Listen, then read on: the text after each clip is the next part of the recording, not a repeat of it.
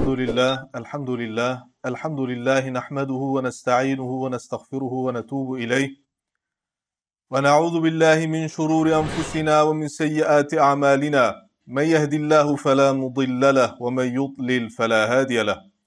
نشهد أن لا إله إلا الله وحده لا شريك له. ونشهد أن سيدنا محمدا عبده ورسوله. أما بعد فيا عباد الله اتقوا الله وأطيعوه. إن الله مع الذين اتقوا والذين هم محسنون قال الله تبارك وتعالى في محكم كتابه الكريم يرفع الله الذين آمنوا منكم والذين أوتوا العلم درجات صدق الله العظيم الله سبحانه وتعالى openbaart in de Koran يرفع الله Allah subhanahu wa ta'ala doet jullie verheffen in rangen. Hij geeft jullie hoge rangen. Aan wie? Alladhina amanu. Degene die geloven minkum, van jullie. Dus Allah subhanahu wa ta'ala belooft de moslims, ik ga jullie hoge gradaties geven omdat jullie geloven. Omdat jullie leven zoals jullie geloven. Maar daarna zegt Allah subhanahu wa ta'ala, dit is een speciale behandeling voor een groep onder deze moslims. Walladhina utul ilma. Maar degene die kennis hebben gekregen, degene die de Koran hebben bestudeerd, die de hadith hebben bestudeerd, tafsir, fiqh, de Arabische taal, darajat. Die ga ik met in rangen verheffen. In rangen. Dus de status, de gradatie, het niveau van moslims die zich met kennis bezighouden, is vele malen hoger dan doorsnee moslims. Dit is heel belangrijk om goed te begrijpen. Profeet wasallam. Er komen uh, twee broers naar hem. Van de Sahaba. Twee broers. Waarvan eentje werkt voor zijn beroep. Hij is een vak aan het uitoefenen. En die andere broer, die komt naar de profeet sallallahu alaihi wasallam. Regelmatig. Hij werkt niet, hij drijft geen handel, niks. Hij komt de hele dag bij de masjid, bij de profeet sallallahu alaihi wasallam. Om hadith te leren, om uh, tafsir, Koran te leren. Dus die broer die werkt, hij komt naar de profeet sallallahu alayhi wasallam om te klagen. Hij zegt, ja Rasulallah, ik moet elke dag werken, brood op tafel leggen. Maar ook voor mijn broertje. Hij komt mij nooit helpen. Hij komt altijd naar de masjid om bij jou islamitische kennis te studeren. Wat zegt profeet sallallahu alayhi wasallam tegen hem? Hij zegt, la'allaka turzaqu bihi. Jij wordt onderhouden, jij krijgt rust van Allah omwille van hem.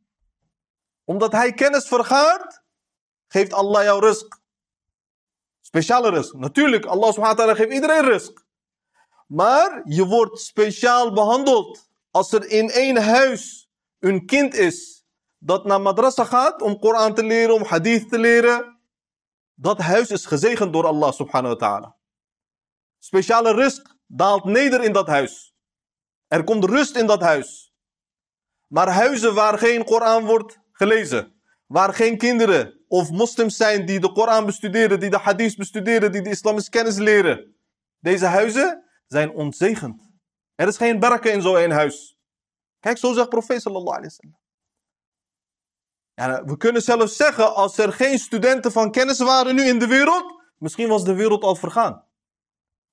Als er geen leerlingen van de Koran waren nu in de wereld, de wereld was vergaan. Wij blijven voortbestaan dankzij deze madrasas, die madaris, waar Koran wordt bestudeerd. Dankzij mensen die de Koran memoriseren, die de Koran bestuderen. Wallahi, dankzij deze mensen regent het nog. Het is zo voortreffelijk, is zo belangrijk om dit te begrijpen. Maar nog steeds zijn ouders, hij is aan het twijfelen. Wat twijfel je? Je zegt hem, schrijf je kind in. Kijk, hier wordt serieus les gegeven. Regelmatig, les wordt nooit geannuleerd. Allemaal lesboeken, curricula, lesprogramma's, roosters, docenten. Jouw kind gaat hier op een perfecte manier de islam leren. Jij zegt tegen hem, schrijf je kind in. Alsof je hem huwelijksverzoek doet. Hij gaat zo nadenken, zal ik doen of niet? Subhanallah. En hoe kan je deze gelukzaligheid ontberen? Het is juist als ouder is het in jouw voordeel. Wallahi, het is een zegening voor jouw huis. Dat jouw kinderen naar madrasa komen om de Koran te leren. Allah subhanahu wa ta'ala beschermt jou tegen talloze rampen. Hij begunstigt jou met talloze gunsten. Hij geeft baraka, risk aan jouw huis. Kijk, profeet sallallahu wasallam, kijk zijn antwoord op die sahabi. Hij zegt niet tegen hem, je hebt gelijk, is goed. Jij moet je broer helpen, ga maar mee met hem. Kijk wat profeet sallallahu wasallam zegt. Daarom, islamisch kennis leren, vergaren, Koran bestuderen, is van groot belang. Abdullah ibn Mas'ud, radiyallahu anhu, een van de grootste geleerden van de sahaba. Kijk wat hij zegt. Het salatun. Dit is een legendarische uitspraak. Moslims begrijpen niet hoe belangrijk studie, school, madrasa is. Zij begrijpen niet, zij beseffen dat niet. Maar sahaba hadden dat wel goed begrepen. Kijk wat zegt Abdullah ibn Mas'ud, radiyallahu anhu. Het salatun. Studeren, lessen volgen, naar madrasa gaan, is salat, is gebed. Is net als gebed. Dus hij bedoelt, is aanbidding. Is aanbidding. Daarom alle geleerden zijn onderling met elkaar eens. Na fara'id, na verplichte rituelen, aanbiddingen, taken die jij moet nakomen. Wat is de belangrijkste aanbidding die je kan doen? Talabul ilm. Het vergaren van kennis. Het bestuderen van de Koran en de hadith. En de sunnah van de profeet sallallahu ta'ala alayhi wasallam. Dat is het beste dat jij kunt doen, kan doen. Kijk, Abdullah ibn Abbas radiyallahu anhu behoort ook tot een van de grootste geleerden van de sahaba. Kijk wat hij zegt. Tadakurul ilmi. Het bestuderen van kennis, bespreken van kennis, overleggen van kennis. Ba'da laylatin. In een klein gedeelte van de nacht. Eén avondje.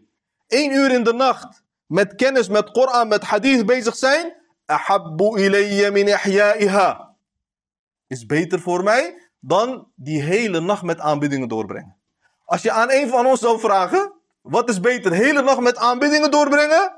Of één uurtje in de avond fiqh leren. Wat is haram? Wat is halal? Beetje tashih al-aqaid, je aqida verbeteren. Wie is Allah? Wat zijn zijn sifat, zijn asma, zijn eigenschappen en namen? Wie was profeet Mohammed sallallahu alayhi wa sallam? Sirat al-Nabawiyya. Eén uurtje dit leren of hele nacht aanbiddingen verrichten? Wat is beter? Wallahi, de meeste moslims zeggen, natuurlijk is hele nacht aanbiddingen doen is beter. Waarom? Ze kennen de islam niet. Ze kennen de islam niet. Dat is ons grootste probleem. Maar natuurlijk is dit niet zo goedkoop. Dat jij zelf boeken gaat pakken. Ook nog eens vertaalwerken. Of met je karig Arabisch. Dat je Arabische boeken gaat pakken. En dat je zelf studie gaat doen. Dat is gevaarlijk. Dat is een gif. Dat adviseren wij niemand. Maar jij gaat serieus naar een onderwijsinstelling. En jij gaat daar de islamitische religie, de islamitische kennis vergaren. ألا إن أحسن الكلام وأبلغ النظام كلام الله الملك العزيز العلام كما قال الله تبارك وتعالى في الكلام وإذا قرئ القرآن فاستمعوا له وانصتوا لعلكم ترحمون